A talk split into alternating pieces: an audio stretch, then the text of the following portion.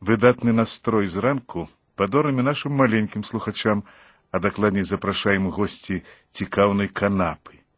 Здаецца, што яна можа расказаць. Аднак канапа шмат ведае. Так лічыць и автор этой каски про ее Алена масла.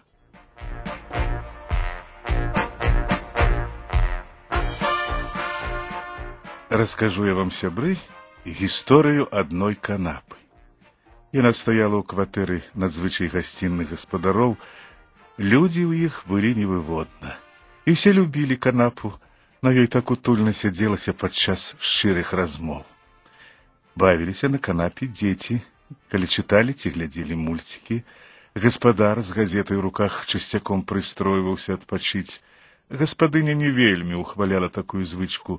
Бывала, што і кпіла з мужа, называючы яго лежнем однако это не перашкаджала ей самой час от часу браць у руки часопис и прымясцюрыўшыся на канапе, гартаць его. А канапа, скажу я вам, была цікаўная і кемлівая. Яна и все бровские размовы услухоўвалася, и телевизор поглядеть не супраць была, і за что уже зусим малайчынка научилась и полюбила читать, читала все и дзіцячыя кнігі, і гаспадаровы газеты і гаспадынены часопісы. Ведала, дзе што дзеецца, магла аналізаваць падзеі такая вось цалкам прыстойная і адукаваная канапа з добрай сям'і.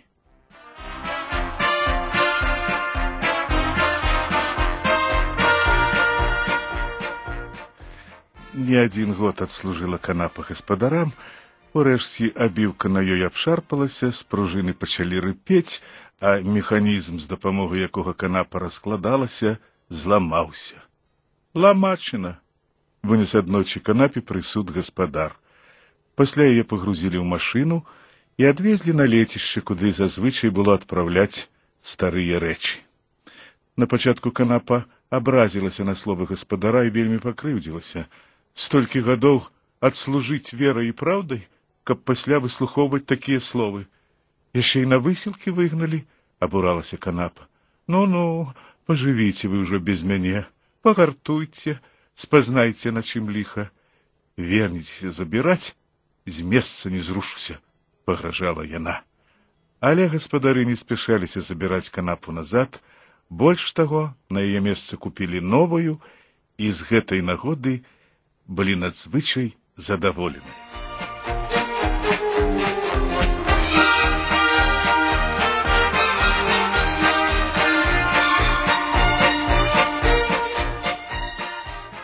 Што ж тут зробіш?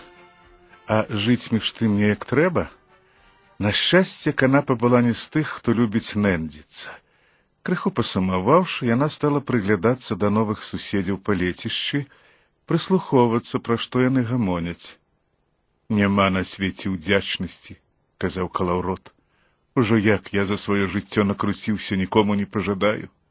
Это цяпер усё купіць можна, а даўней Сами і шкарпетки в'язали, і сподки, і шведери, і дивани ткали. З чого? З ніток мною напрадених, а тепер во нікому не потребний став. Ширая правда вас, панне, погаджалася з калавротом пані Зінгер, швейная машинка. Говорила яна крыху у нос з акцэнтам, наўмысна падкрэсліваючы сваё замежнае паходжанне – але да гэтай прыхамасці ставіліся паблажліва. Усім было вядома, якая адмысловая майстрыха пані Зінгер. Ва ўборах ёю пашытых калісьці фарсілі першыя модніцы ваколіцы. Ужо як я старалася дагадзіць, падагнаць, сфастрыгаваць, подрубіць нітачка ў нітачку, радочку радочек, налюбавацца на маю работу не маглі. А як сталі крамныя насіць, і мне аддзячылі гарышчым на лецішчы. А хто памятае, як танцевали под мою музыку, азваўся патыфон. Дачакацца не могли выходных те святаў, как покрутить кружелки На самом видном месте трымалі, а теперь, во у самым темным кутку пропадаю. Слово за слово до скаргаў далучаліся шафа з ляшчыны, таўкач, ступы, кош, прас на вуглях, а таксама драбяза, якой багата было на гарышчы, и кожны папікаў гаспадароў у няўдзячнасці.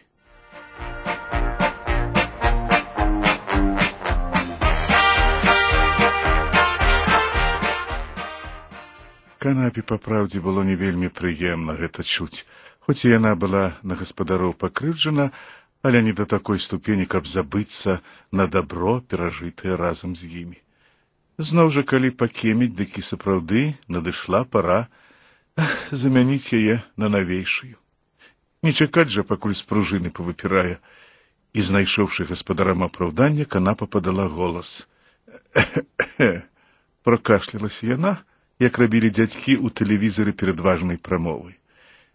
Няможна залежыць ад таго, помніць цябе нехта ці не, ацаніў твае старанні ці нават іх не заўважыў.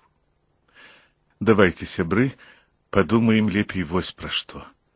Нас же не на сметник выкинули, просто вывезли з кватэры на новое место жихарства. А что робить каб не нудзіцца, мы и зараз придумаем. Жыццё ж у нас одно, нельга самих себе со свету крыўдамі сводить. трэба дзейнічаць. На гарышчы стало тихо. Thank you.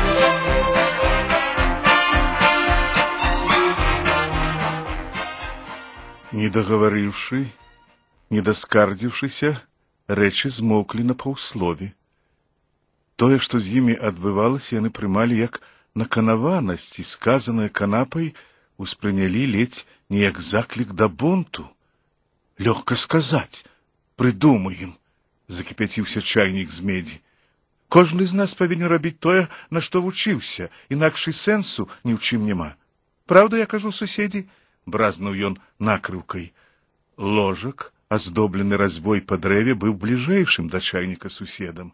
Ён любіў падрамаць і цяпер вось яму сон перабілі. Так так, так, з прасонку пагадзіўся ложак з крыклівым чайнікам. Што мы без гаспадароў, што ўмеем, акрамя як служыць ім. Ага! з выклікам у адзін голас спыталі канапу ўсе рэчы на гарышчы. Не трэба хвалявацца, сябры, не спалохалася напору канапа. Трэба спокойно подумать. Мой лёс не зайздросней ад вашага, и мне не вернуться уже ў кватэру. Але пакуль там была, я столькі гісторый даведалася. Хочаце, расскажу?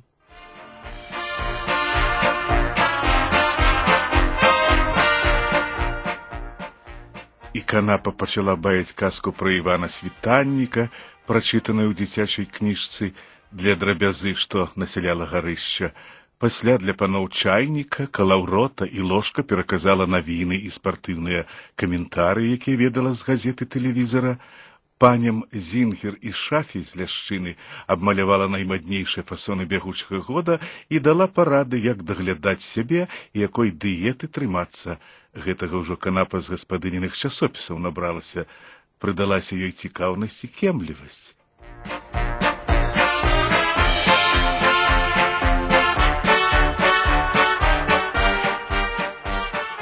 слухали канапу стаіўшы дыханне і калі яна па просьбе пана патэфона пачала напяваць папулярную той год мелодыю, ён раптам зарухаўся, спрытна крутануў ручкай, ускінуў кружэлку, таткнуўся да яе іголкай і загучала старая песня. Так натомлена сонцам развіталася з морам, ты сказала з дакорам каханне з мамам.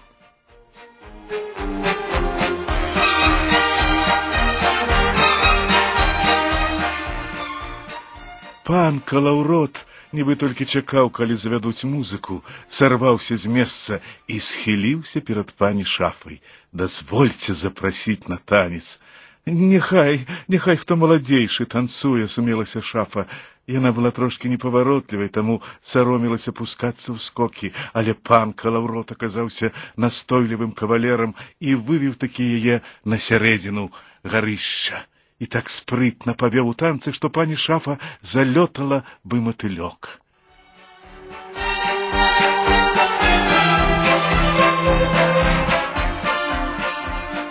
Что тут ужо пачалося?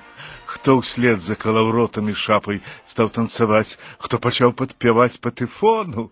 Чайнік нібы ударнік ляпаў сваёй накрыўкай, ложак адбіваў такт ножкамі, і ўсе, што один гаманілі, згадваючы мінулае, але ўжо ніхто не крыўдаваў і не скардзіўся, рэчы нібы наноў на свет нарадзіліся.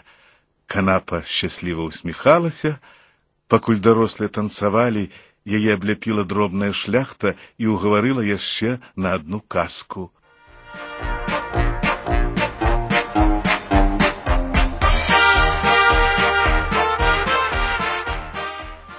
Якраз у гэту пару на лецішча прыехалі гаспадары. почули рух на гарышчы, падняліся. Рэчы, конечно одразу сцішыліся, але вот водсвет шчасця гуляў на іх абліччах, натхненнем дыхала паветра, Незвычайны настрой на гарышчы відаць адчулі гаспадары. Гаспадыня пачала аглядаць кожную рэч, як саму упершыню бачила, подыходила, кратала, брала ў рукі, згадвала сваіх дзядуляў і бабуляў, якім належалі калісьці рэчы, хваліла адмысловасць, якой яны были зроблены и ўрэшце сказала да господара, дорогие. Ці не падтрымаеш ты мой намер аддаць рэчы з гарышча ў музей. Кожная з іх вартая асаблівай увагі. нехай бы не пыліліся тут, а людзей радавалі. Якімі жаданамі для рэчаў былі словы гаспадыні, особливо грели развагі пра адмысловасць і заслугі, і яны ахвотна згадзіліся на пераезд.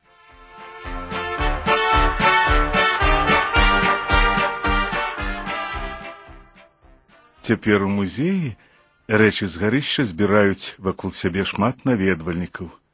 Яны расказваюць ім пра сваё прызначэнне, асаблівасці канструкцыі карыстання, згадваюць пра мінулае, без цені тугі і смутку. А канапу, якая і навучыла іх трошкі па-іншаму на жыццё глянуць, запрасілі на пасаду галоўнага экскурсавода. Яна падумала, падумала і пагадзілася, со спружинами домовилася, што на людзях рыпець не будуць, пацёртую абіўку прыкрыла саламяным капялюшыкам у кветкі, чаравічкі на абцацьках абула, выглядае лепш не толькі за сваіх аднагодак, але і за навейшыя канапкі.